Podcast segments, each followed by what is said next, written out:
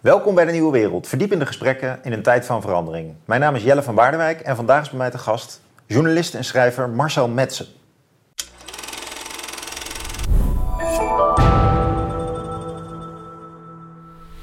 Goedemorgen. Ja, leuk dat je er bent in Leiden, Marcel.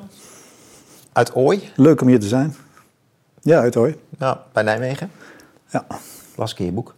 Je hebt een prachtig boek geschreven over Shell, Hoogspel. Een politieke biografie is de ondertitel. Ja. En dat vond ik interessant, te meer ook omdat jij in ieder geval bij mij bekend bent als een uh, biograaf van Anton Philips. Uh, maar je, hebt, je bent ook Philips-kenner, je hebt meer geschreven over uh, Philips. En ook wel in het algemeen kenner van het Nederlandse bedrijfsleven. Vanuit de invalshoek van nou ja, onderzoeksjournalistiek, maar eigenlijk ook wel meer misschien aan de kant van wetenschap dan aan de kant van het nieuws verslaan. Maar ergens daartussenin. Hè? ja, het is steeds meer geschiedschrijving geworden ook. Hè? Ja. ja, dit is eigenlijk ook een ja. historisch boek. Ja. Maar toch, het culmineert wel in een analyse ook van het heden. Ja. Dus, dus um, en en. Ja. Ja, een bijzonder boek. We kunnen, we kunnen, uh, ja, we kunnen hooguit een uh, tipje van de sluier lichten. Maar dat gaan we hopelijk wel doen. Ja. Laten we eens beginnen met die titel. Um, Ja. Zowel hoogspel als politieke biografie. ja. Uh, zullen we beginnen met, die, uh, met hoogspel? Waarom, waarom geef je de... Twee betekenissen. Hoogspel is natuurlijk met hoge inzet. Spel met hoge inzet. Dat is de olie- en gaswereld. En dat is het, het, een bedrijf als Shell heeft, speelt met hoge inzetten. Veel geld dus. Grote belangen. En ook spel op hoog niveau. Die twee betekenissen zitten erin. Dus heel erg sophisticated, heel erg ja, hoog ontwikkeld spel. ja. Zowel in de politieke betekenis, las ik in je boek, Ja. als in de betekenis van uh, petrochemische innovatie, om maar zo te zeggen. ja, dat is zo. Nou ja, dat is een kant die we eigenlijk best wel goed kennen, die, die technologische kant. Daar zijn ze natuurlijk zelf ook heel trots op. Dus daar, daar publiceren ze zelf ook uh, heel gemakkelijk over. Dus als je daar dingen over wil vinden, ook op hun website en in de literatuur, dan is dat heel makkelijk te vinden. Ja, Maar hun rol als politieke speler, die is, daar zijn ze wat terughoudender in om daar zelf wat over te zeggen. ja. Laten we het zo zeggen. Nou, daar is natuurlijk ook wel wat over geschreven. Onder meer in een studie die Shell zelf heeft laten financieren, heeft gefinancierd. Die is uh, gedaan door historici uit Utrecht. Die is verschenen in 2007. En uh, deze historici die hebben veel in het bedrijfsarchief uh, gekeken. Is dat openbaar eigenlijk? Bedrijfsarchief is niet openbaar. Uh, en zeker niet sinds die historici erin zijn geweest. Want Shell heeft nu zo'n beetje de opvatting van... ja, onze geschiedenis is beschreven door deze historici. Uh, onze bedrijfsgeschiedenis. Dus uh, we gaan zo min mogelijk andere mensen daarin toelaten. Hm. Alleen, nou, wetenschappers die zij zelf uitkiezen, zullen we maar zeggen. Dat, zo werkt dat een beetje. Daar hoorde jij niet of wel bij? Nee, daar hoorde ik niet bij. Maar het interessante was, twee dingen waren interessant aan die studie. In de eerste plaats, deze mensen hebben gewoon goed werk gedaan. Dus vak, vakkundig. Hè? Uh, dat moet ik ze nageven. En uh, ze hebben dus een werk, werkstuk geproduceerd. Nou, het is echt een enorm ding. Drie dikke delen. Ik geloof dat het vijf kilo weegt. Er staan heel veel foto's staan erin. Twee talen, Engels en Nederlands. En het is een prima naslagwerk. Maar als je dan gaat kijken naar de bronnen en de keuzes die gemaakt zijn, de selectie van thema's die gemaakt zijn, dan zie je dus dat het meeste materiaal komt toch uit de bedrijfsbronnen, het bedrijfsarchief, minder uit publieke archieven. Um, en het tweede is dat het thema van de politiek, de relaties met de politiek en samenleving, komt wel aan de orde, maar eigenlijk toch op een tamelijk oppervlakkige manier, als je het mij vraagt. En er zat één probleem, zat er. uh, vond ik. Wat, ik uh, wat alleen maar in mijn voordeel heeft gewerkt hoor, moet ik er meteen bij zeggen. Want ik heb daar juist heel erg wel naar gekeken. En dat is, zij hebben de politiek en de samenleving beschouwd als een context. Waarbinnen Shell uh, opereert. en dus ook op reageert. Maar wat ik heb gezien in al die jaren dat ik met dit onderwerp bezig ben geweest, is eigenlijk dat deze onderneming zich heeft ontwikkeld tot een actieve speler. Dus het is niet alleen maar een context, die politiek. Nee, ze zijn een medespeler. Ze maken ook politiek.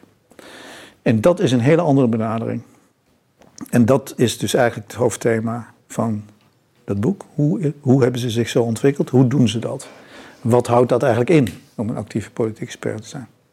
Ja. Dus die, deze verschijning van, de, van, dat, van die studie was op zichzelf uh, prima. Want ik, uh, ze hebben voor mij geweldige research uh, gedaan, zou ik kunnen zeggen, in het bedrijfsarchief.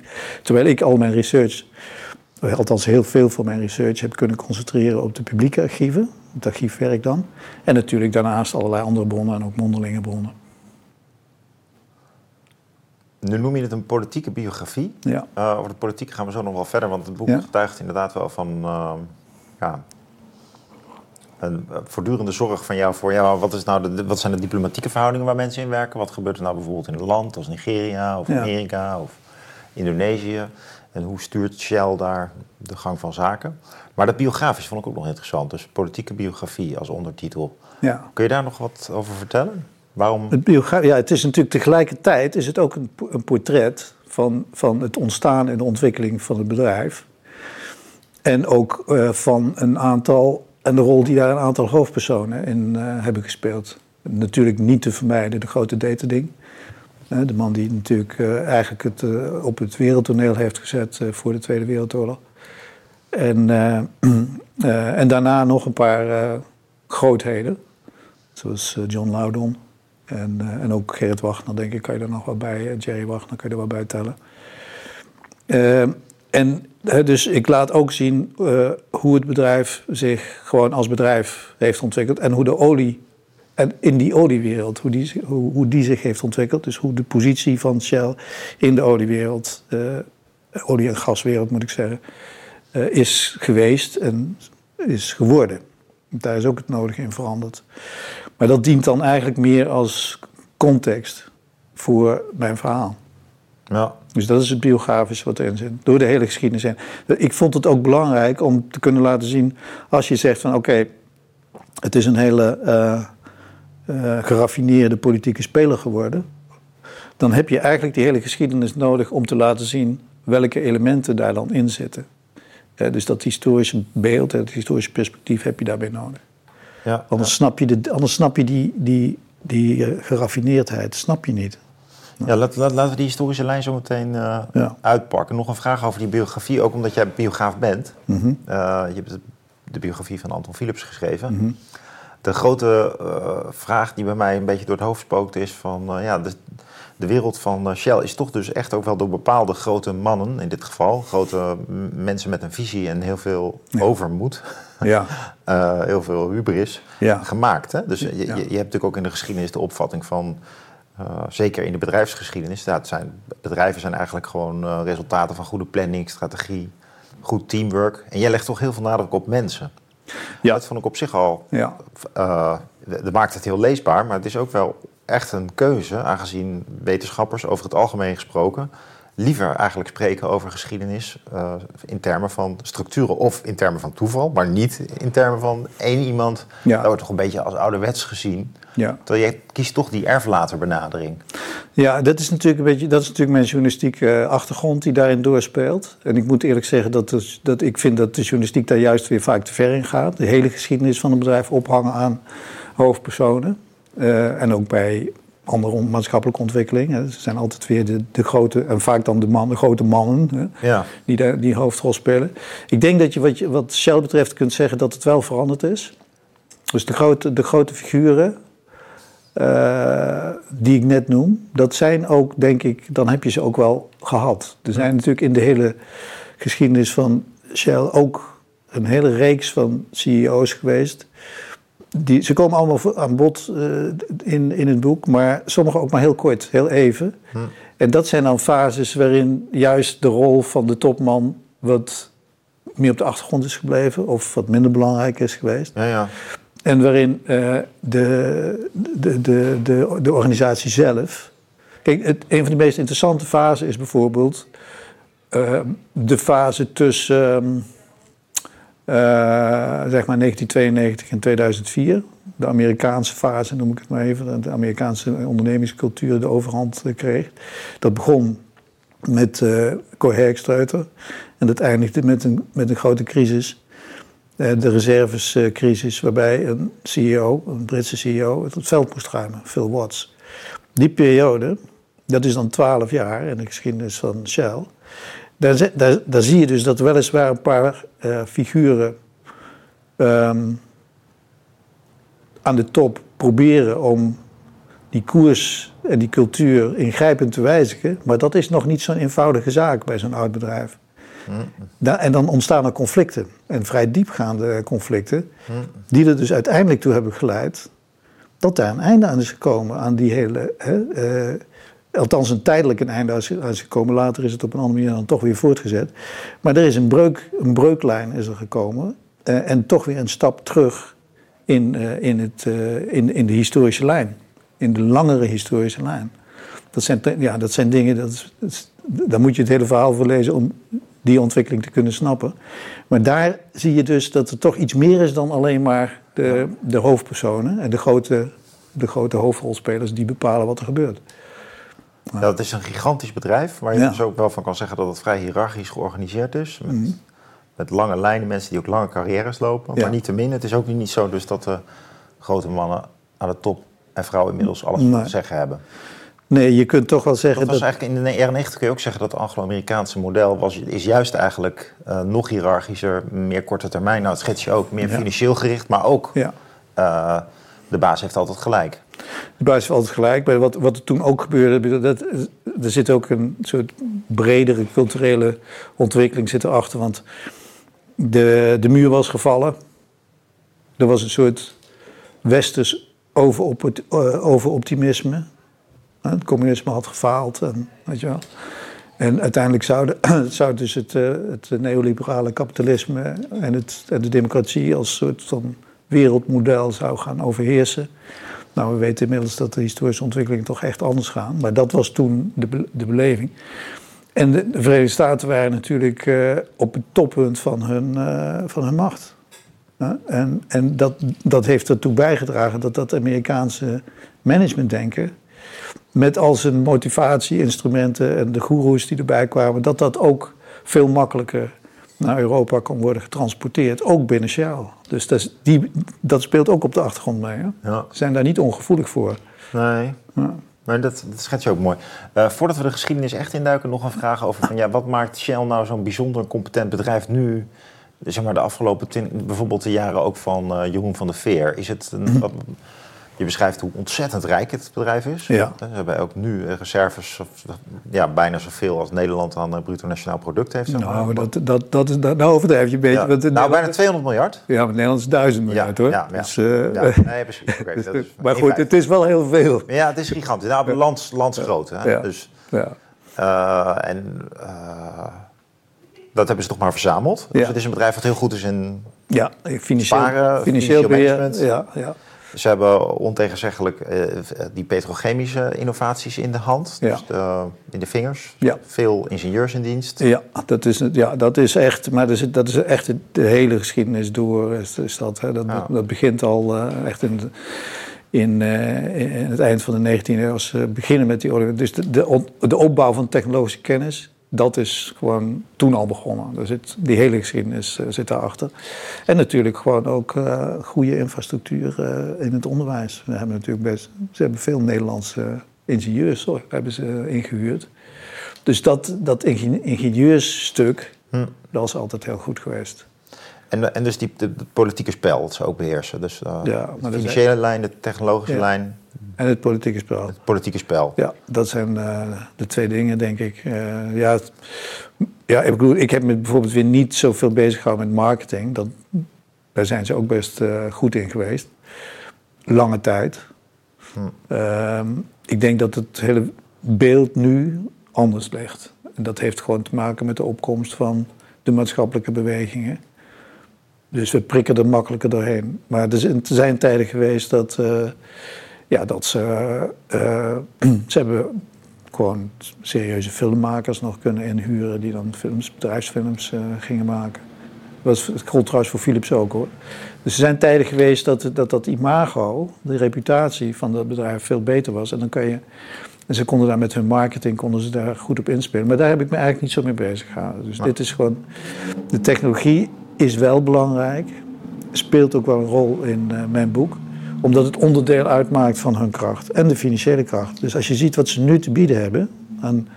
aan um, uh, nou, concrete producten en diensten? Ja, steeds, met, met name ook naar, naar, naar producerende landen toe. Want zoals je weet is dus, is dus de, de, de machtsverhouding in de olie- en gaswereld is gekanteld sinds de oliecrisis van 73. Vanaf dat moment, of eigenlijk daarvoor al, met de opkomst van OPEC, is het zo dat de, de producerende landen hebben zich eigenlijk weer de olie toegeëigend. Voor die tijd was het, waren de velden in eigendom van de transnationale oliemaatschappijen. Dus met name de westerse waren dat natuurlijk. Toen zag je op OPEC komen. De, die, de producerende landen begonnen de concessies weer terug te claimen. En ook staatsoliemaatschappijen op te richten. En nu is dus. En, en de, de, de, de westerse oliemaatschappijen raakten hun concessies kwijt. En kregen dus de rol van operator.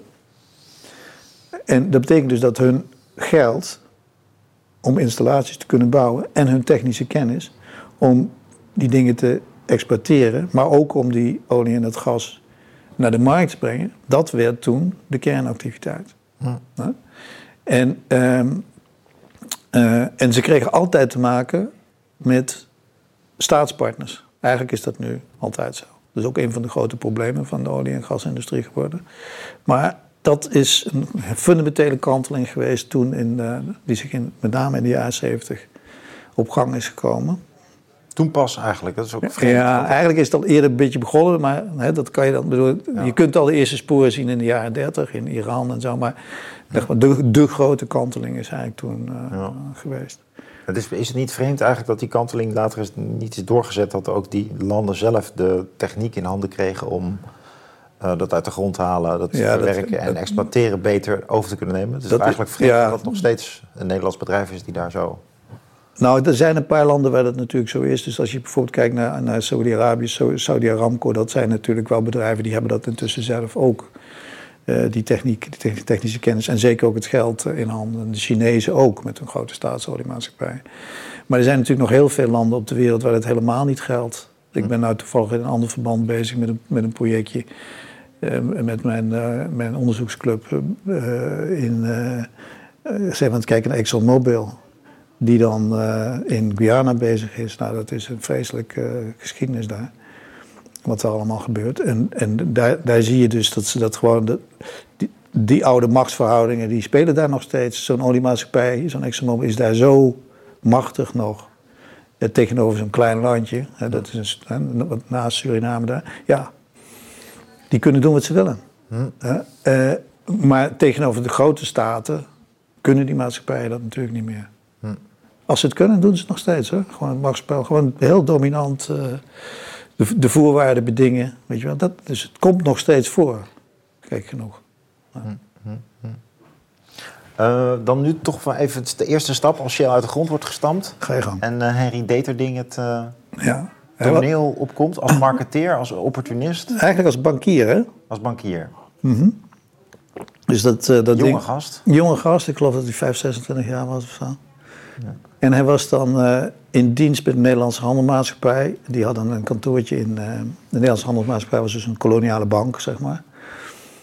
En hij was dus in dienst bij een kantoortje op Penang, eh, wat nu bij Maleisië hoort. En, en kwam dus in contact met Kessler senior, dat was dus Guus Kessler senior, dat was toen de directeur. Dus later nog een zoon van hem ook directeur geworden. En, uh, en die zat een beetje met een probleem, want met een financieringsprobleem. Dus ze moesten voorraden kunnen financieren. Ehm, en natuurlijk een verkoopapparaat opbouwen. Het was toen allemaal nog lampolie. Dus olie was, is voor de auto, hè? dus benzine was er nog niet. En de hele petrochemische industrie die was er allemaal nog niet. Olie was lampolie. Huh. Daar ging het dan. Een beetje meer middel ook al Dat was het. Grote markt. Was ook nog bijna geen elektrisch licht op de wereld, behalve in de rijkere kringen. Dus dat is echt een hele andere wereld. Nou, en, uh, dat, uh, dat moest dan, uh, moest een fabriek gebouwd worden, dat moest in blikken verpakt worden, er moesten kistjes voor gebouwd worden, er moesten schepen zijn om dat te transporteren, opslagplaatsen en allemaal in Azië, want de, de, de, het ging over Sumatra, daar werd de olie gewonnen. En de markt was dus ook een Aziatische markt. Nou, daar, daar, uh, daar hadden ze geld voor nodig om dat te kunnen opbouwen. En de verkoop leverde nog onvoldoende op. En toen heeft Detening gezegd, wij kunnen wel een financiering naar Anglo-Saxisch model doen. Dus dat was ook weer de, toch al de Britse invloed die toen kwam. En dat hield in uh, dat uh, de voorraad als onderpand ging dienen. Dat was nog ongebruikelijk in de Nederlandse financiële verhoudingen. Hmm.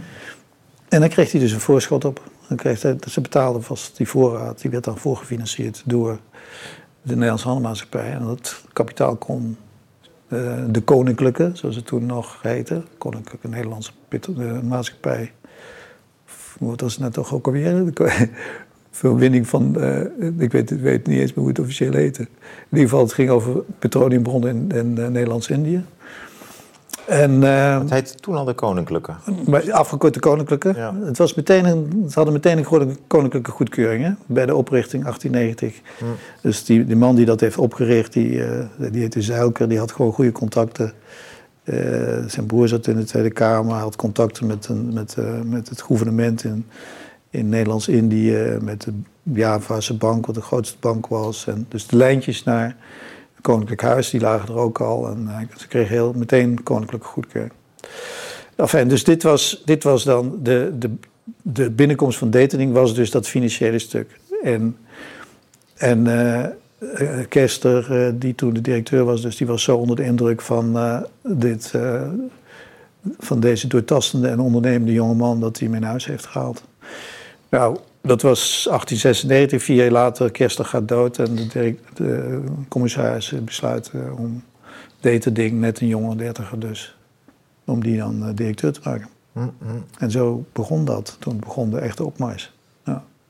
Ja, die man die is nog aan de macht gebleven, wisselend succes tot... Uh... Tot 36 is die, uh, is die uh, 1936, dus 36 jaar lang. Ja. Maar dat is natuurlijk een hele aparte geschiedenis, die uh, geschiedenis van dating. De meeste, als mensen wat van hem weten, dan weten ze vaak dat hij aan het einde van zijn leven een nazi-aanhanger werd. Een beetje een soort, ja, ik, ik, ik, twijfel nog steeds hoe je het het beste kan beschrijven. Of hij nou bewust zijn ogen gesloten heeft, of dat hij gewoon naïef was, of nou een serieuze, overtuigde aanhanger was. Ik denk eigenlijk dat het ergens daartussenin uh, hing. Maar daar kennen de meeste mensen hem van. Maar feitelijk is hij natuurlijk de man die het, uh, de, het concern groot heeft gemaakt. De grootste stappen zijn eigenlijk gezet in de eerste twintig jaar van zijn regime. Dus zeg maar tussen 1900 en 1920. Ehm, en uh, ja, daarna uh, was er, denk ik, toch wel een zodanig managementapparaat ook opgebouwd. Dat uh, ook anderen daarin wel een grote rol hebben gespeeld. Maar hij was wel de grote dominante figuur die uiteindelijk toch de finale beslissingen kon nemen. En toen al een heel groot bedrijf, hè? Ja, hij was. Ze waren toen net zo groot als uh, als Exxon, wat dan nu ExxonMobil heet. Dat was vroeger natuurlijk dus de nazaat van Standard Oil. Uh, Standard Oil, dat was eigenlijk de grote Amerikaanse uh, oliemaatschappij natuurlijk, maar die is op een gegeven moment gedwongen opgesplitst. Omdat ze te groot waren geworden op last van de Amerikaanse hooggerechtshof is dat opgesplitst. En een van die nazaten, Standard Oil of New Jersey, dat is dan het huidige ExxonMobil. Dus Exxon is ook XO, is ook SO, Standard Oil. Dat is de de, daar, komt, daar, komt, die af, afkorting vandaan. Ja. Uh, dus, uh, en, en dat was de grootste, weet je wel. En zij zijn daar gewoon naast gekomen en hebben het op een gegeven moment ook een tijd lang overvleugeld. Uh, voor die Tweede Wereldoorlog. Dat is natuurlijk een prestatie van je welste. Op de wereldmarkt hè, hebben we het dan over. Ja. Ook in de, Verenigde, in de Verenigde Staten zal de Exxon altijd wel groter zijn gebleven. Maar ze hebben ook zich naar binnen gewerkt in de Verenigde Staten. Ja, Vanuit Californië. Daar schrijf je heel smakelijk over. Ja, dat is wel een leuk verhaal, ja. Ja, Dat, dat, is... Uh, als je het nou vergelijkt met andere uh, biografieën van uh, ondernemers die je kent, hè? bijvoorbeeld die Anton Philips, zijn daar dan, zou je dan grove pennenstreken daar een groot verschil in zien of veel overeenkomsten? Philips is natuurlijk ook wel geromantiseerd als een Ja. man die uh, ja, Rijnlands kapitalist was, uh, Eindhoven uit de grond stamt. Ik Een denk, bedrijf voert met een sociaal profiel, echt een Nederlands bedrijf. Dit is al om te beginnen een, een, een echt een opportunist in, in- Ja. ver weg, maar ook met, met een enorme dadendrang en, en successen. ja. Dus het, eigenlijk is het misschien niet goed te vergelijken. Nou ja, weet je, het- ik denk dat ehm, Philips misschien wel Nederlandser was ook. Dus ik denk dat dat misschien toch een groot verschil eh, heeft uitgemaakt. En Nederlands is gebleven. Hm. en, en, en Datading was eh, toch wat Anglo-Saxischer. En natuurlijk zijn ze al begin van die 20e eeuw nauw gaan samenwerken met de Britse Shell. Dus toen is die, die dat, wat ze dan toen nog noemden amalgamation, dus samenvoeging. Dus het was nog geen formele juridische fusie. Dat is toen gesmeed met, met eh, weliswaar een Nederlandse tak in de meerderheid. Maar, maar Datering was ook wel een anglofiel. En, eh, en hij woonde ook, hij ging ook in Londen wonen. en zo, of in, in ieder geval in Engeland wonen en daar landgoederen kopen. En zich ook een beetje in die elite begeven. Dus ik denk dat dat, dat Brits-Nederlandse, dat heeft wel invloed gehad op de manier waarop ze ehm, te werk gingen. Eh, ook een ander aspect, een aspect wat een verschil is, is die, die, eh, dat politieke karakter. Dus je hebt altijd in deze industrie te maken met grondstoffen die in de grond, in de bodem vallen, land zetten. Dus je hebt altijd met de staat te maken. Eh elektronisch, elektrotechnische onderneming als Philips had dat ook wel, maar dan in een andere sfeer, niet in de sfeer van de grondstoffen, meer van vestigingsvergunningen en arbeidswetgeving en zo. Omdat ze dan fabrieken gingen beginnen in eh, andere landen. Maar bij Shell was het die grondstof. En het was natuurlijk al heel snel een strategische grondstof. Dat was de grote ontdekking van de Eerste Wereldoorlog. Is natuurlijk dat je, je moet controle hebben over de brandstof en, en de aanvoerlijnen daarvan. En dan eh, om een oorlog te kunnen voeren en te kunnen winnen. Dat is, eh, dat, dat is toen begonnen. Voor die tijd ging het nog allemaal met, met paarden. Maar toen Ja. kwamen de vliegtuigen en de tanks en de trucks pas echt. Hè. Dus vanaf dat moment werd ook de, viel ook het, het oog van de, van, de, van de regeringsleiders en de regeringen ook steeds meer op dat spul. En wilden ze daar ook steeds meer, langzamerhand dus steeds meer controle over hebben. Dus dat is ook een verschil. Wat wel een overeenkomst is, dat is een soort van tycoon-achtige levensstijl. En ook manier van naar de wereld kijken. Dus het is, dit waren wereldburgers. En, en ze, ze, voelden zich op hun gemak met de andere grote figuren. Dus Detering voelt zich echt niet minder dan, eh, dan eh, eh, Ro- Rockefeller. Weet je wel? Dat, dat, was, dat was dezelfde wereld. Hm. Of de Rothschilds of zo, waar ze ook mee samenwerken. Dus gewoon mannen van de wereld die, die, die de wereld als hun speelterrein beschouwden. En Nederland ook nog als een grootmacht beschouwen. Ik beschrijf, ik ook ergens in het boek, eh, verwijs ik naar dat boek van zo'n Britse journalist... die een, eh, biografie van Deterding heeft geschreven eind jaren 30. En die noemde Nederland dan het kleinste, maar meest efficiënt gerunde empire, hè, rijk van de wereld. Vergelijkbaar dus met eh, de koloniale mogendheden, Engeland, Frankrijk, kleiner, maar toch ook één, weet je wel. En zij, zij voelden zich ook zo. Hm. Dat kun je wel merken aan beide mannen. Gewoon tycoons, dat waren ze. Hm. Dat is natuurlijk wel veranderd, hè? Ja, is dat zo? Ja, ik denk het wel. Ze hadden ook, weet je, Zo'n Elon weet je Musk of zo'n... als, als, als deze ding ergens aankwam, en dat gold ook voor andere tycoons, eh, dan ging, vaak ging nog met het schip natuurlijk, hè, met, eh, met ocea- oceaanstomen. Je komt aan in New York, staan dus honderden verslaggevers op de kade. Met van die draaiende filmcamera's en microfoons en zo, pennen. En dan braaf noteren wat meneer Detening zei. Ja, Ja, dus ja. dat ontzag, eh, dat Was- was, enorm. En dat vonden ze dus normaal. Dat was de wereld waarin ze opgroeiden. Ja. Bespeelden ze de journalist ook al toen? Ja, weet je, ze. ehm, Hadden ze al communicatiemedewerkers in dienst? En, eh, je zei dat je die marketing niet echt... nee, met maar- dit hadden ze in Engeland hadden ze dat wel. Hij had wel, eh, hij, hij hield wel. Hij deed, hij deed het ook voor een deel zelf. Hij hield dus de media goed in de gaten. Hij had natuurlijk contact met de grote kranten. Dus je weet, die Britse pers is natuurlijk ook een beetje anders dan, dan hier. En de Amerikaanse pers ook. Dus je moet, je moet Die liggen ook Murdoch moet je kennen, weet je wel. Dus de, ja. de ho- je moet niet de hoofdredacteur kennen, maar je moet de eigenaar kennen. Dat is natuurlijk de wereld waarin zij leefden. En die bestaat natuurlijk nog steeds wel. Hè? En ik denk dat voor de, voor de echte grote... En ik denk nu in de financiële wereld bijvoorbeeld... de, de echte grote mannen, die kennen ook Murdoch wel. Hè? De Murdochs van de wereld.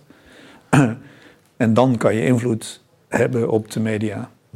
Berlusconi is natuurlijk ook zo'n voorbeeld. Je koopt ze zelf, weet je wel. Je koopt zelf de media. Ja.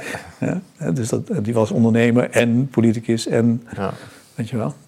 ja, volgens mij werd hij eerst groot in media, Eerst ik groot in de media. voetbalstadions. Ja, ja, Toen, toen pas politiek. ja dat kan. Ja. Maar- Maar het hangt samen. Dankzij, ja. Maar ze komen dus, eh, Shell komt eigenlijk, de, de, ook de samenwerking met Engeland komt goed uit de oorlogen. Of niet, niet, niet enorm beschadigd. Hè? Dus de, Nou, niet onbeschadigd, maar het is echt verrassend, vind ik. Als je kijkt naar, naar de Eerste Wereldoorlog, is het natuurlijk gewoon puur winst. Er werd alleen maar winst gemaakt eigenlijk. En, en zodanig dat ze die hebben moeten verbergen een beetje. Er zijn allerlei boekhoudkundige methodes voor. Bijvoorbeeld vervroegde afschrijvingen. Waar- Waarmee je eigenlijk de winst in het bedrijf kan houden en minder zichtbaar maakt. En bovendien was toen de verslaggeving, de financiële verslaggeving, was toen nog veel minder transparant dan nu. Dus er is veel geld verdiend in de Eerste Wereldoorlog. Tweede Wereldoorlog is ook veel schade aangericht. Maar het is toch verrassend hoe snel ze weer op de been zijn gekomen. Dat is toen in, in 1944, 45 begonnen ze plannen te maken voor het herstel. Een jaar later, en, en dat ging dus echt over reparatie en eh, installaties weer opbouwen die vernietigd waren en zo. Oké, een jaar later ging het dan niet meer over herstel, maar over expansie. Dat knalde, eh, dat explodeerde gewoon, die, die, die, die, die olie- en gaswereld. Niet alleen Shell hoor, maar... Dus toen ging het over enorme investeringsprogramma's ineens. ja. En dan, eh, En dat konden ze gewoon. Dat, ze, hadden het geld ervoor, weet je. wat. Ze konden in, in 1945, toen de- was er dus vijf jaar geen dividend uitgekeerd. Aan de Nederlandse kant, wel aan de Britse kant. Nou, dat hebben ze gewoon op tafel kunnen leggen. Die ze hadden gewoon die reserves. Dus 50, de Nederlandse aandeelhouders kregen vijf jaar. Nog voordat ze alles hersteld hadden, hadden de Nederlandse aandeelhouders hadden al vijf jaar dividend eh, met terugwerkende kracht betaald gekregen. Ja, dan, heb je, heb je, dan zit je dus goed in de, in de was, in de slappe was. ja, enorme winst hebben ze gewoon gemaakt altijd. Ja. Daarna nog veel meer. Ja, 50, 60, dat uh, gloriejaren. Ja, maar dit is dus de concurrentie in die markt, dat, dat is ook, ook een lijn in je boek. Van, ja, is die er wel? Nou, Om, de, om de prijsdruk te, erin te houden? Of, ja, dat is dus inderdaad. eh, of, of hangt het toch meer van prijsafspraken en elkaar dan al? ik, denk, ik denk uiteindelijk wel. Ik denk uiteindelijk wel. Het is natuurlijk een, van, van meet af aan, of nou, ja, eigenlijk van meet af aan een kartelwereld geweest.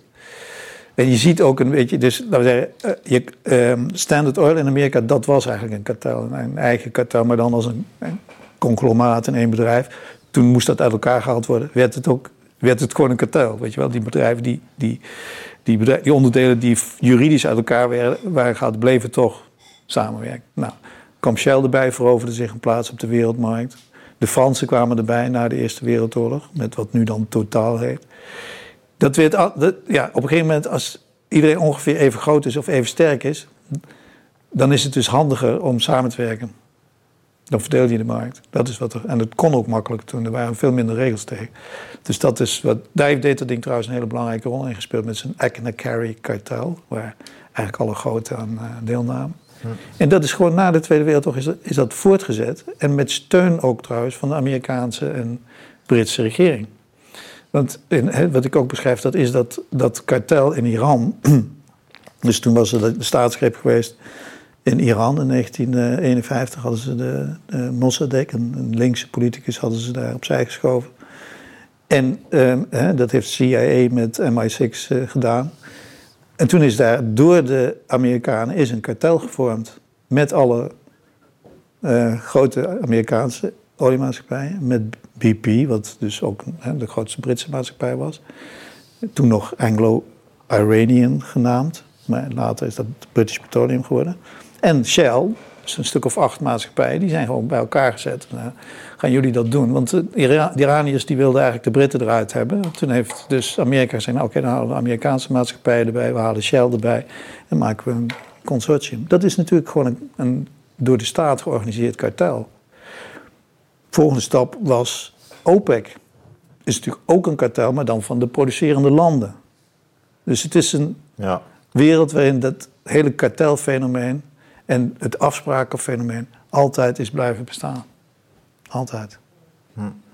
Meer dan andere sectoren misschien ook nog wel, dus daardoor, ja. Ja, het is natuurlijk, nou ja. Ja, ja misschien wel, misschien wel. Ik weet, dat, dat kan ik niet helemaal goed beoordelen, want ik denk dat bijvoorbeeld in de grote uh, graanhandel bijvoorbeeld en dat soort terrein, dus echt de grote commodities, zoals dat heet, de grote grondstoffen, voedingsstoffen ook, dat daar dit soort dingen misschien wat meer voorkomen, omdat het zo'n wereldhandel uh, is. En daar van die grote partijen zijn die dat spel kunnen, kunnen domineren en uh, manipuleren dus. Ja. ja. Ook als je fast forward, we gaan zo meteen weer terug naar de geschiedenis, maar naar Groningen gaat en hoe die verschillende uitbatende partijen, mhm. bijvoorbeeld de NAM of de andere samenwerkingsverbanden waar oliemaatschappijen en overheden samen ja werken ja. in conglomeraten. Ja, dat is ook zo. Het is ook, ook nu in, het, in, de, meeste grote uh, velden die nu in exploratie zijn, in exploitatie zijn, zijn vaak ook uh, conglomeraten die dat dan doen met meerdere partijen. Als je kijkt bijvoorbeeld naar Kazachstan, wat daar gebeurt, er zijn altijd weer consortia. Hm. In verschillende samenstellingen dat wel, maar het is altijd in samenwerking. Hm, hm. Ja. En uh, dan weer terug naar de geschiedenis. Dus na, na, de Tweede Wereldoorlog, nou, dan begint de Koude Oorlog eigenlijk al vrij snel. En uh, kun je iets schetsen over hoe Shell daarin manoeuvreert? Of, uh, nou ja, ze hebben... Een, want olie is natuurlijk iets wat voorbij het verschil van kapitalisme en communisme belangrijk is. Dus... Ja, ze zijn wel hun posities een tijdje kwijtgeraakt. Hè. Dus ze zijn toch op zichzelf wel vrij ijzingwekkende verhalen hoe dat in het begin van de Koude Oorlog ging. Dus hoe ze hun posities in Oost-Europa kwijtraakten. Rusland was natuurlijk al lang, uh, daar konden ze nog wel wat handel mee drijven. Maar dat was natuurlijk al vanaf de revolutie was dat, zijn ze daar hun, uh, hun bezittingen kwijtgeraakt. en, uh, maar in Oost-Europa hadden ze natuurlijk nogal wat activiteiten. En die zijn toen allemaal stapsgewijs onteigend. Um, en het heeft dus een tijdje geduurd. Uh, voordat ze daar weer actief konden worden. In China is dat ook gebeurd. Zijn ze ook, eh, zijn ze ook, uh, maar dat is wat later gebeurd. Dus toen, tijdens de Koreaanse oorlog, zijn ze daar hun bezittingen kwijtgeraakt. Mooi gedocumenteerd trouwens in, het, uh, in, in archiefmateriaal. Dus er liggen mooie, mooie verslagen liggen daarvan. Dat snap ik, want dat past ook bij het bedrijfsnarratief natuurlijk als ja. je onteigend wordt. Ja, ja, ja. ja als, je, als je dan ziet hoe ze het nu beschrijven, want ze zijn weer terug natuurlijk in China al, al lange tijd, ja, dan wordt dat heel neutraal geformuleerd. Van, alsof er afspraken waren gemaakt tussen de toenmalige, dus dat we zeggen de communistische partij die toen uit de macht had gegrepen en, oh ja. en, en, en het bedrijf dat Shell zou vertrekken. Maar ja, dat is gewoon afgedwongen natuurlijk. Ze zijn er gewoon uitgegooid. Uh, uh, maar Shell is wel zo dat zij houden altijd lijntjes open. Dus ze blijven kijken wanneer kunnen we weer terug? Wanneer kunnen we er weer in? Wanneer kunnen we er weer in? En dat is ook in Oost-Europa gebeurd. En dan zijn ze eigenlijk alweer... In de jaren 60 zag je dat die openingen alweer begonnen te komen. Want hoe werkte die diplomatie in die tijd? Wie deed dat dan? Of hoe... Nou ja, je, moet... je had geen computer of je... Ja, zij hadden... allemaal relaties. Allemaal relaties. Dus wat, wat van meet van heel belangrijk is geweest... Uh, het belangrijker dan de Nederlandse relaties met de Nederlandse uh, regering... Is, zijn de relaties met de Britse regering geweest. Want de Britse British Empire was natuurlijk toch veel groter. En ook de buitenlandse uh, zaken, dus de Foreign Office. En ook al die vertegenwoordigingen, die waren gewoon beter geëquipeerd. Die waren, ze waren verder verspreid, ze zaten in meer landen. Maar ze hadden ook al die, die Oxbridge mensen hadden ze daar. Hè? Dus, uh, binnen Shell zelf? Binnen, binnen de Britten. En, ah, en, en, en, wat, en Shell had daar altijd nauwe contacten mee. Hm. Dus er zijn altijd hele nauwe contacten geweest tussen de landenmanagers van Shell en de uh, Britse ambassadeurs en de Britse ambassades in overal ter wereld. Ook met de Nederlandse ambassades, maar de Britten waren gewoon professioneler en beter. En bovendien waren ook hun geheime dienst was beter en, en internationale. Dus dat hoort allemaal bij elkaar. Dus de contacten met geheime diensten uh, en diplomatieke diensten, dat zijn hele centrale rol hebben die altijd gespeeld. En je hebt natuurlijk gewoon de tijd gehad. Dat is dus de periode van de Tweede Wereldoorlog en daarna. Uh, de periode van de corporate statesman, waar ik ook uh, een, een, hoofdstuk aan wijd. wat, je, wat die Tweede Wereldoorlog heeft gedaan, is eigenlijk de bedrijven en het overheden dichter bij elkaar gebracht. Uh, dus dat is wat oorlog doet. De, de, de staat uh, heeft het monopolie, het geweld op. Uh, het, het geweldsmonopolie. Het geweldsmonopolie, sorry, dat woord zocht ik ja. En pakt dat dan ook. Dus er wordt meteen gezegd: jullie moeten dit gaan produceren. Dus die hele, in Amerika begon dat en in Groot-Brittannië begon dat. Ah. Jullie moeten dat gaan produceren. tanks, geen auto's met tanks en zo, weet je wel. En dat, uh, dat, daar worden wetten voor afgekondigd. Uh, winstbelastingen, oorlogsbelastingen worden gegeven, et cetera. En binnen anderhalf, twee jaar, weet je wel. En, uh, en dat heeft ertoe geleid dat er nauwere samenwerkingen tussen de grote ondernemingen en hm. de overheden werden ontstonden. En die, die zijn voortgezet. Nog aantal dat, doet me ook denken aan ehm, uh, dat die Amerikanen natuurlijk, omdat ze altijd vrij liberaal waren en marktgericht, ja. een correctie van een wereldbeeld kregen in die oorlogstijd. Dat ze dachten van, ah, je kan dus toch met de overheid samenwerken en successen boeken. Ja, en, grote organisaties als zodanig veel meer waardering kregen. Ja. Terwijl daarvoor was natuurlijk, en nog steeds zie je ook een soort uh, enthousiasme over uh, ja. start-ups en ondernemen als klein. Ja, het, het werd natuurlijk ook. Conglomeraatvorming die wordt bekrachtigd eigenlijk door de oorlogservaring. Ja, klopt. En wat er dus ook gebeurde, is die Koude Oorlog kwam er overheen. Dus het, werd, het kapitalisme werd ook een, een strijdmiddel in de Koude Oorlog. Ja, natuurlijk. En daar speelden deze, de topmensen van het grote internationale bedrijfsleven, speelden daar gewoon zelf ook een rol in. Dus die, dat werden voorvechters. Ze werden niet alleen ondernemers en topmanagers, maar ze werden ook voorvechters van het kapitalisme. Dus dat is die fase van de corporate statesman. En binnen Shell was dat dus John Loudon, die daar de grote, de grote die werd ook gepresenteerd. Er is een, eh, een, mooi stuk met allemaal citaten uit hoe hij wordt gequote in de Time. Ja, in Time was hij dus man van het jaar in 1960. En daar werd hij ook gewoon zo geprofileerd. Van, ja. hij, hij, hij, verkeerde met de groten der aarde. En dat waren dus ook de grote politici der, de politici der, aarde. Daar verkeerde hij mee, de grote, grote presidenten en zo. En, de, en, de, en, en ook de koningen en uh, noem ze allemaal maar op. Hè. Dus daar was hij dan kind aan huis. En zo werd hij neergezet.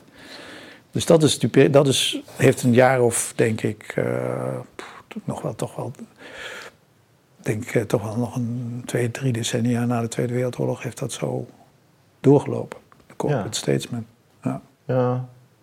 Die Koude Oorlog heeft ook lang geduurd in die zin. Of de, de, de strijd tussen Oost en West. Ja. Maar, maar, om terug te komen op je vraag van hoe hebben ze dat gespeeld met die communistische landen? Dat is dus zo snel mogelijk altijd lijntjes open houden. Dat kan je doen via die diplomatieke kanalen ook. Ondanks dat gevecht dus? Ja. Op ideologisch niveau? Ja, en zo gauw je weer wat kan verdienen, dan ga je dat doen. Dus, uh, als, en dat begint dan met handel. En pas natuurlijk uh, het echt uh, produceren weer van olie, het winnen van olie en gas, dat is natuurlijk pas weer in het Oostblok mogelijk geworden na de val van de muur. Dat wel. Maar handel kon wel.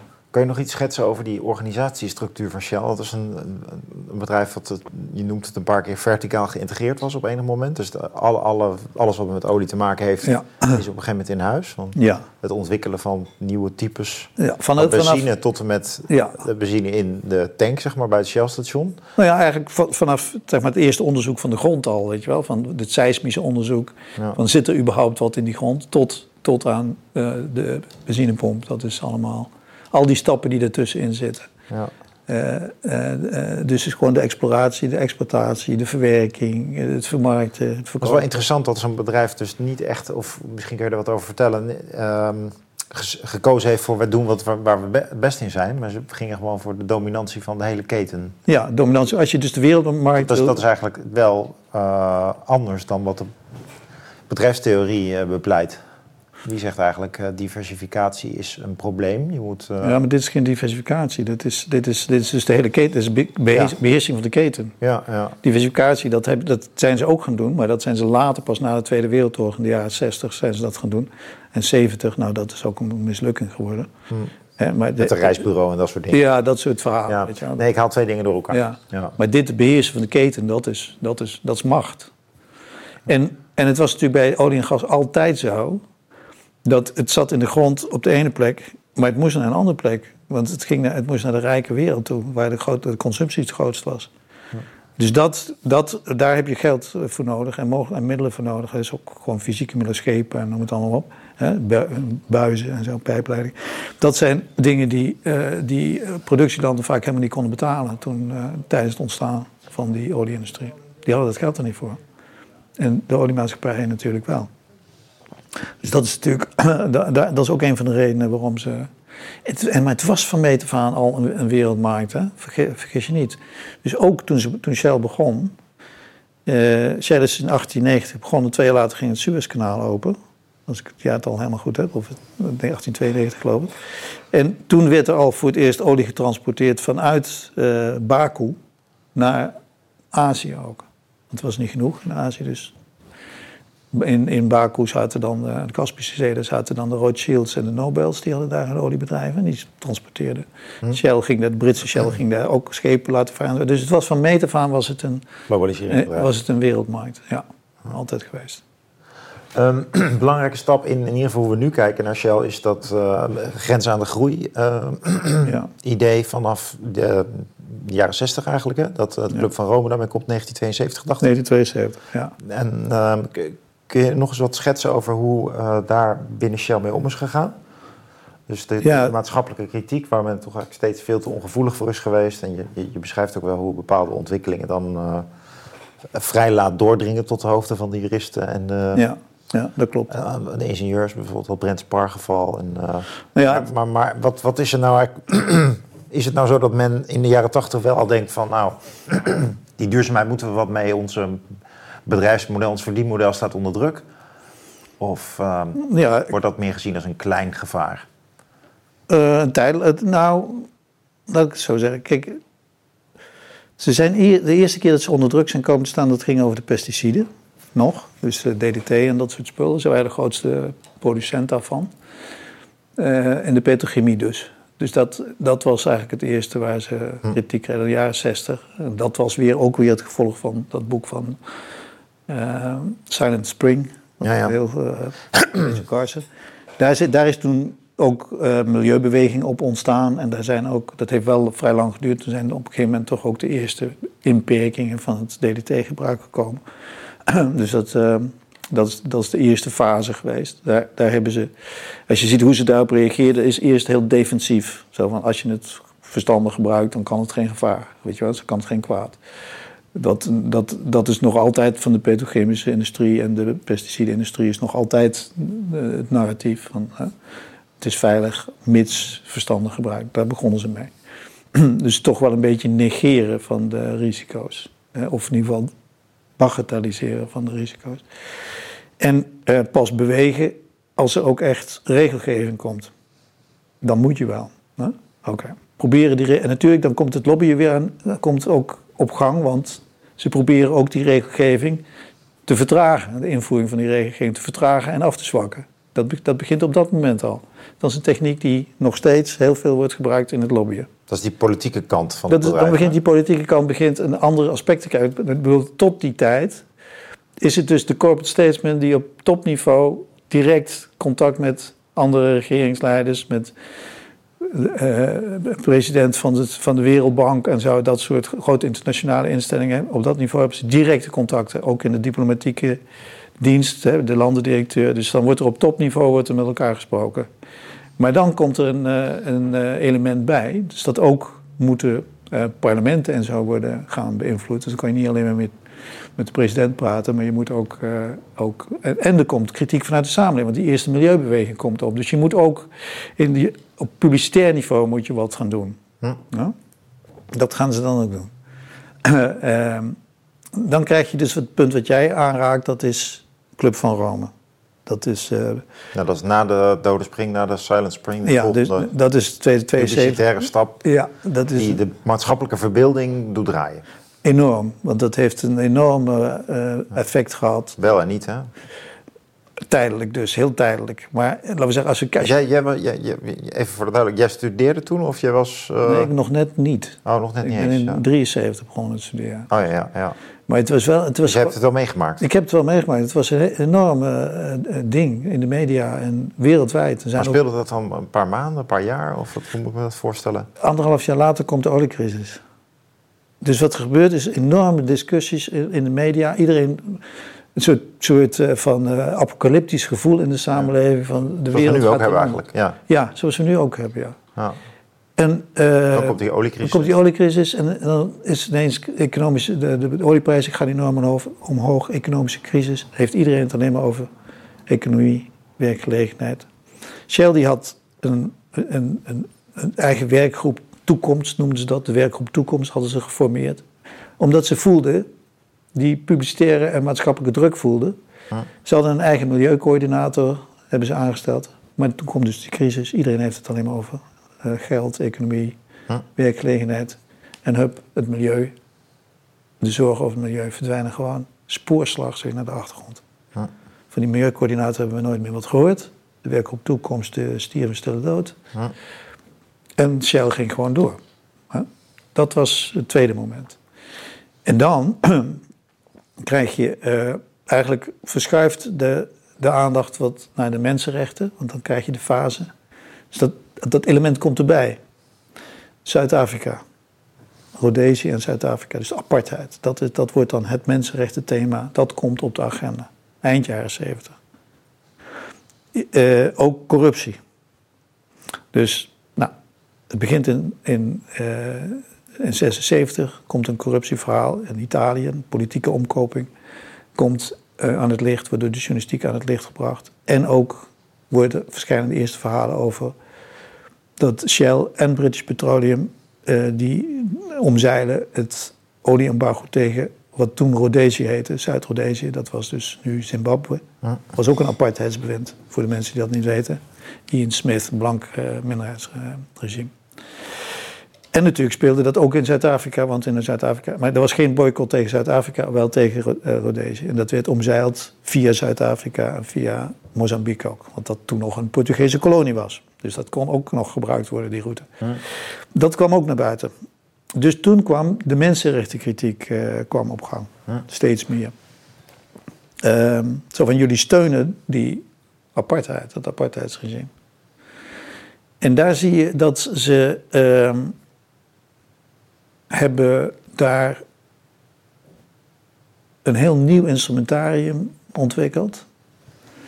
Uh, ik heb daar de hand op kunnen leggen uh, omdat ik een dossier kreeg, van een intern dossier kreeg van iemand die was lid van wat zij intern noemden de bende van vier. Ze hadden dus, uh, omdat die anti-apartheidsbeweging zo sterk werd, hebben ze op een gegeven moment gedacht, ja, wij moeten daar op reageren, we moeten daar wat mee. Dus wij gaan een adviesgroepje intern vormen die moet kijken, die de directie di direct moeten uh, adviseren. Uh, en dat zat dus, uh, ook juristen zaten erin. Nou, die hebben uh, gekeken, kunnen wij die apartheidsbeweging juridisch aanpakken? Ze zijn begonnen met ook wat spionagewerk te doen. Dat is voor het eerst dat ik daar signalen van tegenkwam, is dat is in die tijd. Dat, uh, dat, dat, dat, ik, denk, ik weet niet of ze die mensen zelf al in dienst hadden, maar dat, dat, ze hadden in ieder geval contacten daarvoor. Je zal toch ook wel moeten hebben om dat soort constructies te omzeilen, zoals nou ja, dat je geen zaken mag doen met een land, dan ja, hoe doe je het dan wel? Dan, ja, maar dat is, dat is een heel... Dat is, een is heel, gewoon het simpele verschil tussen formeel en informeel? Dat is het verschil tussen formeel en informeel. Want dat, dat beeld, dat is later, is er dus een onderzoek gedaan uh, door, uh, door de Britten. Dus door de, op last van de Britse Labour-regering. Uh, heeft een, die heeft een onderzoeksrechter benoemd. En dat was Thomas Bingham. En dat rapport, dat heb, heeft, in de tijd heeft de pers daar wel over geschreven, maar die zocht eigenlijk naar een van wie is de schuldige. Maar Bingham was een bijzondere man, want die heeft een, een bedrijfsantropologisch rapport heeft hij geschreven. Dus die heeft helemaal uitgezocht hoe alle communicatielijnen en, hè, dus niet alleen binnen Shell, ook binnen BP was die ook bij betrokken. Maar, het, Maar dat is jaren tachtig dit. dit, gaat, dit gaat dus over eind jaren 70, begin jaren 80, hoe die liepen. En dat hele beeld van dat je verschillende niveaus van communicatie hebt binnen dat bedrijf. Je hebt formele communicatie. Je hebt persoonlijke communicatie. Dat is eigenlijk is weliswaar niet helemaal informeel, maar het is op persoonlijk niveau. Dus ik kan eh, een brief schrijven gewoon op het briefpapier van het bedrijf. Ik ben jouw baas, zullen maar zeggen. Dus vanuit Londen stuur ik jou een brief in eh, Zuid-Afrika. En dat doe ik op het officiële, via de officiële route. Dat is juridisch riskant, want wat ik daarin schrijf... kan op een gegeven moment in de handen van justitie terechtkomen. Ja. Als ik dat nou niet wil, dan kan ik jou ook een persoonlijke brief sturen. Maar dat wisten ze al, dit. Dat is, dit gebeurde allemaal in die tijd al. Hè? Nu, we hebben wel technologische veranderingen gehad met, met, met eh, E-mail. e-mail en zo en WhatsApp en noem maar al die dingen. Maar, maar, hè, maar dit gebeurde gewoon nog met papier en telex natuurlijk. Hè? Persoonlijke brief sturen. Als je dat ook de riskant vond, kon je ook nog een persoonlijke brief sturen die je persoonlijk liet bezorgen door een, een, een, een tussenpersoon. Een, persoon, een courier, zeg maar, die je dan stuurde. Dus dan ging het niet via de post. Het was weer een extra veiligheid. Als je dat dan ook nog niet wilde, dan kon je natuurlijk altijd nog een afspraak maken met iemand en aan tafel gaan zitten en informeel met hem praten. Zeggen, Ik kan dat niet op papier zetten. Dus Ja. je kon ook nog een officiële brief sturen, maar dan een persoonlijke side letter sturen. Zeggen van ik heb jou nu die officiële brief gestuurd, daar staat je dat je dit moet doen. Maar in die letter zeg je, ja, dat- ik heb die brief al gestuurd, maar eigenlijk moet je dat doen. Maar waar baseer je dit nu op, wat je nou allemaal schetst? Is dat dat onderzoek laat zien Dat- dat, dit gewoon een dit- staande praktijk was? Dit, dit, ja, dit is staande praktijk en ik heb daar ook andere eh, bronnen voor. Dus er is ook dat verhaal nog van, van die man die directeur in, in Vietnam was geweest. Die, werd dan, die kwam aan in Saigon, eh, nog tijdens de oorlog was dat dan. En die vond dus op zijn bureau die, die dossiers, dat noemden ze dan de rode dossiers, met die persoonlijke communicatie tussen directieleden in Londen en, en, eh, en, en zijn voorganger. Dat was dus geen formele bedrijfscommunicatie, maar persoonlijke communicatie tussen personen. En dat, was, dat ging dan nog verder door, want je had dan nog in Zuid-Afrika had je nog het probleem dat op grond van de nationale veiligheidswetten mocht er tussen de, geen informatie uitgewisseld worden over cijfers, dus productie en handel van Shell Zuid-Afrika, met het hoofdkantoor in Londen. Mocht formeel niet. Nou, je kunt natuurlijk wel raden dat daar sluiproutes voor gevonden eh, zijn. En een van de leukste die ik te- tegen ben gekomen, dat is, en dat komt ook allemaal uit dit Bingham-rapport hoor, dat is paper on desk communication. Dus ik mag iets, jou, jou iets niet vertellen. Ik, dus ik heb zo'n papiertje hier. Ik, ik heb nou even geen papiertje bij de hand. Maar laten we zeggen dat dit een papiertje is met wat aantekeningen. En, ja, ja, nou ja, jij bent dan de- in dit geval de directeur van Shell Zuid-Afrika. Dus En- maar, maar, maar ik mag die cijfers niet zien. Dus als jij nou hier zitten vergaderen. dan dit doet-? Ja. En je gaat heel eventjes de deur uit. Even de handen wassen. Paper on desk communication. Dat vond ik wel een grappige.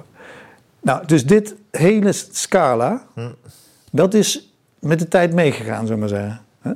En daar zijn nu ook bijgekomen in de afgelopen 20, 25 jaar de eigen spionnen. Die ook een rol spelen in de informele eh, informatievoorziening ehm, tussen, eh, laten we zeggen, eh, vanuit landen die, waar, waar, Shell zaken doet en waar ze dan willen kijken van hoe lopen hier de politieke hazen eigenlijk, wat, wat, wat voor, wat voor een, eh, eh, concurrenten zitten er op het vinkentouw als wij een deal willen sluiten. Eh, wat voor belangen spelen hier allemaal? Dus het zijn allemaal, en daar zitten ze dan eigen inlichtingen mensen, eigen spionnen voor in, die niet formeel dat doorspelen. Niet via formele communicatie, maar wel via informele contacten. Zodanig zelfs dat ze ook. Er is een geval, eh, een recent geval van een corruptiezaak in Nigeria. Over eh, een deal die Shell samen met de Italiaanse oliemaatschappij Eni met de Nigeriaanse overheid sloten. Verkoop van een blok eh, waar, ze olie, waar olie gewonnen kan worden, waar veel olie zit. En, eh, en daar, eh, daar is uh, een rechtszaak over gevoerd. Dat is op een gegeven moment uh, speelde, dat, speelde daar dat een van de betrokken politici die, die, die, die had veel geld uitgedeeld. En daar was documentatie over. En dan ging het over van. En dat, dat geld kwam van die deal. En dan ging het over wist Shell en Eni daarvan. Dus er is in Italië een rechtszaak over gevoerd. Is een fascinerende lectuur. Het verslag van de, van de verhoren. En dat allemaal beschreven door die onderzoeksrechter. Oké, okay. wat blijkt dan? Daar spelen die spionnen een cruciale rol. Want die kijken dan, oké, wat is dat voor politicus? Wat voor een, wat voor een belangen heeft hij? Wie is, dat blijkt heel duidelijk uit dat hij inderdaad hm. uh, de grote hoeveelheden van dat geld direct naar uh, uh, bekenden van hem gaan, zeg maar. Hm. maar dan, is dat dan een woord van jou, Marcel, spion? Of is dat ook een woord, denk je, dat ze zelf ook gebruiken? Hoe, hoe... Intelligence noemen ze het dan, hè? Intelligence? Ja, intelligence. Oh ja, zo'n mooi Een, mooie dubbel betekenis heeft dat dan. Ja. ik bedoel, het zijn gewoon MI's ik heb een aantal van die mensen gewoon kunnen traceren. Ja. Uh, via open bronnen hoor. Je kunt het gewoon op internet kun je er allerlei dingen over vinden als je goed weet te ja. zoeken. En wij Wie zijn dat? Ja, dat, dat zijn allemaal de, oud MI6. Dus uh, Britse inlichtingendienst, oh, ja. CIA, FBI. Oh, ja. Zelfs nog, eh, we vonden nog iemand die had in de... Daar moet je niet naïef over zijn. De Secret Service, weet je wel, die was bewaker van de president geweest. Nou, dan kun je wel wat, hè, als je de, de president van de Verenigde Staten moet bewaken. Veel oud-militairen. Ook, ze hebben ook een voorkeur, voor, zeker in de Verenigde Staten, voor oud-militairen om die in te huren. Die afdeling heet Corporate Security. Maar er zit dus ook dit stuk zit er in, dat inlichtingstuk. in. Willen ze die oud-militairen hebben, want die hebben dan als ze wat hogere functies hebben gehad, hebben ze security clearance bij het Pentagon. Dus dan mogen ze bepaalde vertrouwelijke informatie van het Pentagon hebben. Het Pentagon geeft vertrouwelijke briefings aan grote bedrijven. Dat weten wij dus allemaal als gewone beurs krijgen we dat niet horen, maar dat zijn directe vertrouwelijke contacten tussen het Amerikaanse ministerie van Defensie dus en grote internationale ondernemingen. Ja, dan zie je dus hoe politiek ze zijn. Hè? Die... Ja, en dat, en, en, zijn gewoon politieke actoren. Dat is... Ja, precies. Dus dit zijn allemaal instrumenten die nu tegenwoordig in de grote internationale bedrijfsvoering van deze multinational, want ik denk niet dat Shell de enige is die dit doet hoor, maar goed, ik heb Shell onderzocht, ah. is dat dus normaal geworden.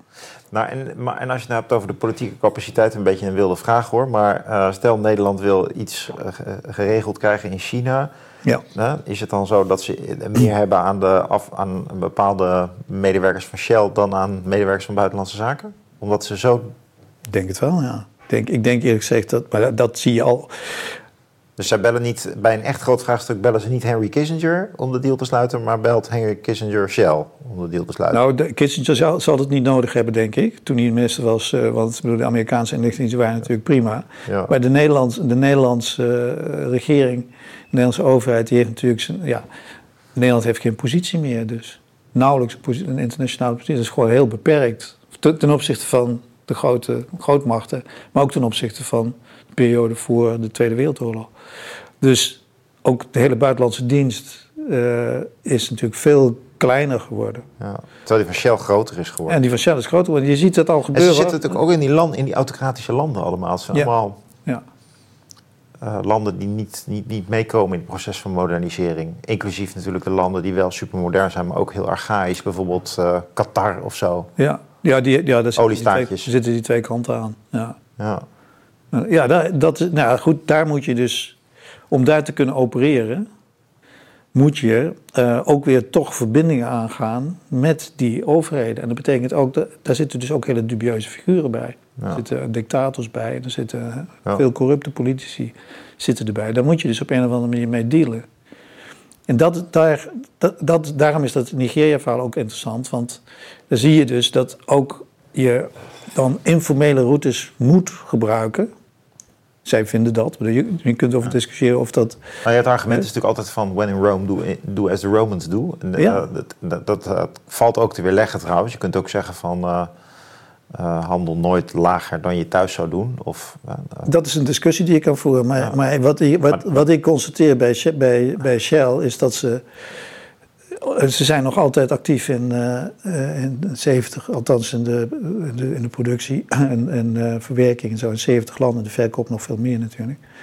Dus dat is eh, betekent dat er ook heel veel autocratische en half of helemaal veel steeds tussen zitten. En daar moet je dan in bewegen. Ja. En daar hebben ze dat eh, hele instrumentarium wordt daarbij ingezet en kunnen ze daarbij inzetten. En dat heeft grote risico's, vind ik. Hè? Want het betekent ook bijvoorbeeld, en ook dat is het meest zichtbaar geworden in Nigeria, samenwerking met, uh, met militairen, met legers, die aangestuurd worden Hm. door, uh, Door Shell. door dictaturen. Uh, nee, niet door Shell zelf. Maar daar werken ze mee samen, want die zorgen voor, voor beveiliging. En, uh, en, en soms worden ze ook gewoon voor een deel wel gefinancierd. Dus er wordt wel eens geld in gestopt. Hm. Hè, dus dan krijgen ze, krijgen ze wat militairen voor de deur te staan bij hun uh, pompstations of zo, of bij hun raffinaderijen. Ja, dan zegt je, ja, ja we, hebben niet, we hebben niet veel geld en jullie moeten wel bijdragen, et cetera, et cetera. En dan kom je in een grijs gebied terecht. Zeker als er dan ook nog wat uh, onrust is, oproer is, ja. bezetsbewegingen zijn. Oké, okay, dan gaan die militairen op een gegeven moment in actie komen. Hm? En soms wordt, ze ook, wordt dat ook gevraagd. Dat, daar ben ik ook voordeel, voorbeelden van tegenkomen door Shell. Die dan zegt, nou, kunnen jullie dit niet eens wat rustiger maken hier? Want dan kun je iets wat doen, wat doen. En dat zijn allemaal gesprekken. Er zijn heel veel van dit soort materiaal komt ook uit de Wikileaks-cables. Dus dat zijn de diplomatieke, Amerikaanse diplomatieke berichten die uit de periode 2000-2010 die op een gegeven moment via Wikileaks uh, naar buiten zijn gekomen. En daar zie je dat soort dingen ook gebeuren. Dat er op hoog niveau, op hoog politiek niveau. Maar dan is dat weer diplomatiek niveau. Doen ook trouwens Nederlandse diplomaten aan mee. Hè? Dus dat is ook, er is ook zo'n gesprek, heb ik gevonden, van dat er dan een Nederlandse diplomaat, Amerikaanse en Britse, hè, die gaan, en, en Shell mensen, en ook trouwens van andere oliemaatschappijen, die komen dan bij elkaar. Want dan is er te veel onrust in een bepaald gebied. En dan tast dat de productie aan, die valt dan te, te vaak stil.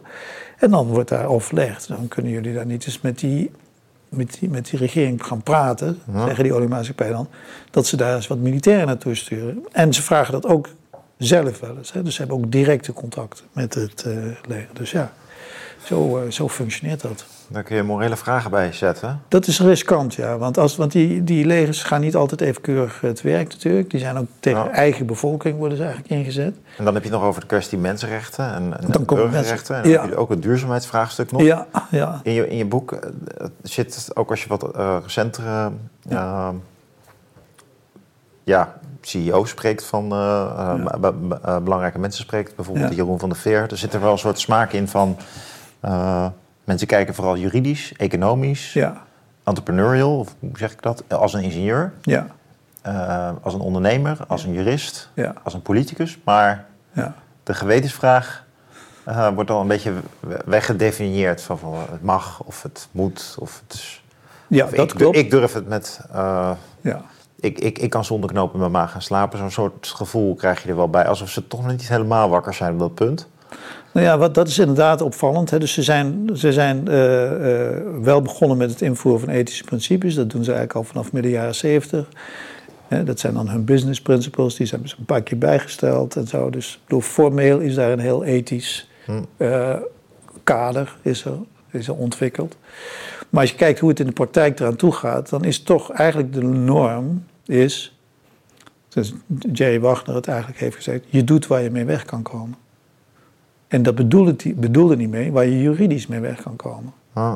En dat is dus niet in alle landen hetzelfde. Want de juridische regelgeving en grenzen liggen in Ja. alle landen. Nee, dat is het hele punt van die multinationals. Die kunnen Ja. natuurlijk gebruik maken van de Ja. mismatches tussen, uh, Ja. tussen juridische regimes. Waardoor ze eigenlijk altijd zo tussen de mazen door... uh, ja, dus dat wordt, hun, dat wordt Zwemmen. een, een, is een nieuwe vaardigheid geworden. Ja. Zoveel mogelijk tussen die mazen door te zwemmen. Maar dat heeft ook ertoe geleid, dat is ook in de hoofden gaan zetten. ja. En dat noem ik dan een juridisch opportunisme. Dus het, zo wordt ook gedacht. Van wat, wat, is nu, wat, wat belangrijk is, is waar je mee weg kan komen. ja. En En zelfs wat waar is, weet je wel. Dus ik, Ja. je, je kunt in Shell mensen tegenkomen die zeggen van... oké, een feit, wat ik een feit noem, dat is een juridisch feit. Dus het gaat er niet om of iets... Die, die zelf ook denken, iets is alleen maar gebeurd als het juridisch bewezen is. Dat is een heel merkwaardig... Ik heb dat op een gegeven moment ontdekte ik dat in een gesprek. Ik denk van, verdraaid, deze man denkt ook echt zo. Ja, ja. Want ISIS, die bleef maar zeggen, dat ging toen over, over Rhodesië nog, van de ont, ont, ontwijking van dat olieembargo. Dus in de jaren 70 ging dat gesprek over. En dit, ik sprak hem 25 jaar later. Het was al lang en breed, was daar van alles en nog wat over gepubliceerd. Dus niemand, er was helemaal geen discussie meer over wat daar gebeurd was. Het was gewoon gebeurd.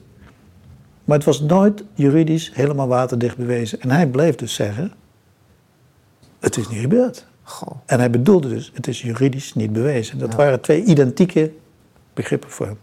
Dat vond ik wel ver gaan hoor. Nou, Ja. Marcel, dank dat je kwam vertellen over je boek. Eh, we gaan het lezen. Hoogspel, een politieke biografie. Ja, een spannende lijn erin. Daar gaan we het niet meer over hebben, maar dat wil ik toch maar even noemen. Ja, Shell is geen Nederlands bedrijf meer. Nee. Ze hebben ons eh, verlaten, verraden. Maar ook Engeland eigenlijk, hè? want dat is een soort globalistisch conglomeraat geworden. Dat is maar de vraag, dat suggereer je ook aan het eind, of, Ja. nou eigenlijk ook, of het dan nu Engels is. Het hoofdkantoor zit daar, Ja. Maar daar is misschien ook alles mee gezegd. Ja, footloose noemen we dat. Hè? Ja. Ja, dat zijn ze nu echt. Dank voor je komst, we gaan het lezen. Eh, hoogspel, check it out. Beste kijker, als je dit filmpje ziet, houd je kennelijk van de lange en verdiepende gesprekken van de nieuwe wereld. Wil je meer van onze video's zien? Klik dan op de afbeelding hier links. Of beter nog, abonneer je op ons kanaal. Je kunt ons natuurlijk ook steunen en daar zijn wij zeer op aangewezen. Klik dan op de afbeelding rechtsboven in beeld of ga naar de beschrijving hieronder voor meer informatie. Ik dank jullie bij voorbaat van harte.